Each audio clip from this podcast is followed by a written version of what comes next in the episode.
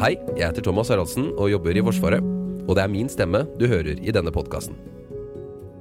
Kapittel 5 Økonomisk merbehov for å realisere vedtatt struktur.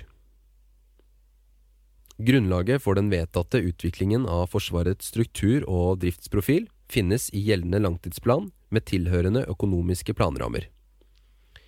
I meldingen til Stortinget understreker regjeringen at langtidsplanen la til grunn en for høy risiko i gjennomføringen.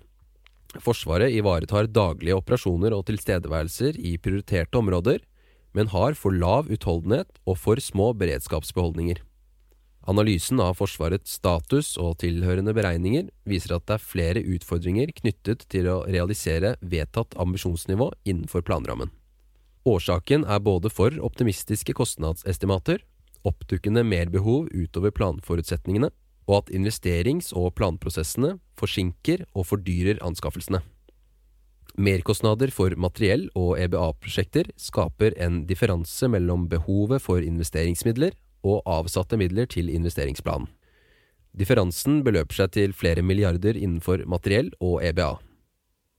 Når en legger til kjent merbehov, forsterker underdekningen seg. Merbehov er nødvendige investeringer som ikke ligger inne i investeringsplanen, men som er vurdert til å være nødvendig for å realisere inneværende langtidsplans målsettinger. Videre har forutsetningene som lå til grunn for vedtatt ambisjonsnivå for forsyningsberedskap og ammunisjon, endret seg. I inneværende langtidsplan valgte man å ta risiko for disse feltene ved å akseptere et lavere ambisjonsnivå. Forsvaret evner å løse daglige operasjoner, men har begrenset utholdenhet til å kunne forsvare Norge og allierte mot alvorlige trusler, anslag og angrep. Tilsvarende aksepterer langtidsplanen risiko knyttet til vedlikehold av EBA. Tilstandsgraden for mye av bygningsmassen er i dag på et nivå som krever betydelig finansiering for å sikre nødvendig verdibevaring. Forlengninger, logistikk og støttefunksjoner, trenings- og øvingsanlegg og anlegg for alliert mottak har stor betydning for den nasjonale operative evnen.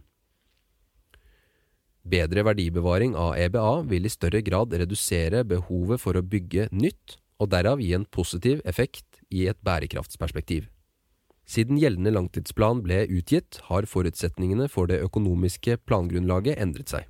Eksempelvis påvirker kansellering av NH90 maritimt helikopter plangrunnlaget, og kostnadene for å erstatte den kapasiteten bidrar til å øke det økonomiske merbehovet. Videre vil forsinket leveransetidspunkt for nye ubåter tvinge frem en større investering for å levetidsforlenge Ula-klasse ubåt. I tillegg til innlagte overhøyde er det en rekke kjente behov som ikke er lagt inn i investeringsplanen. Behovet omfatter IKT, personlig bekledning og utrustning til hele styrkestrukturen, samt tilfredsstillende EBA for personell og utdanningsinstitusjonene i Forsvaret. I sum har gjeldende langtidsplan med tilhørende ambisjonsnivå en økonomisk underdekning som ikke gjør det mulig å realisere den beskrevne strukturen. Dersom gjeldende langtidsplan der stridsavgjørende ammunisjon f.eks.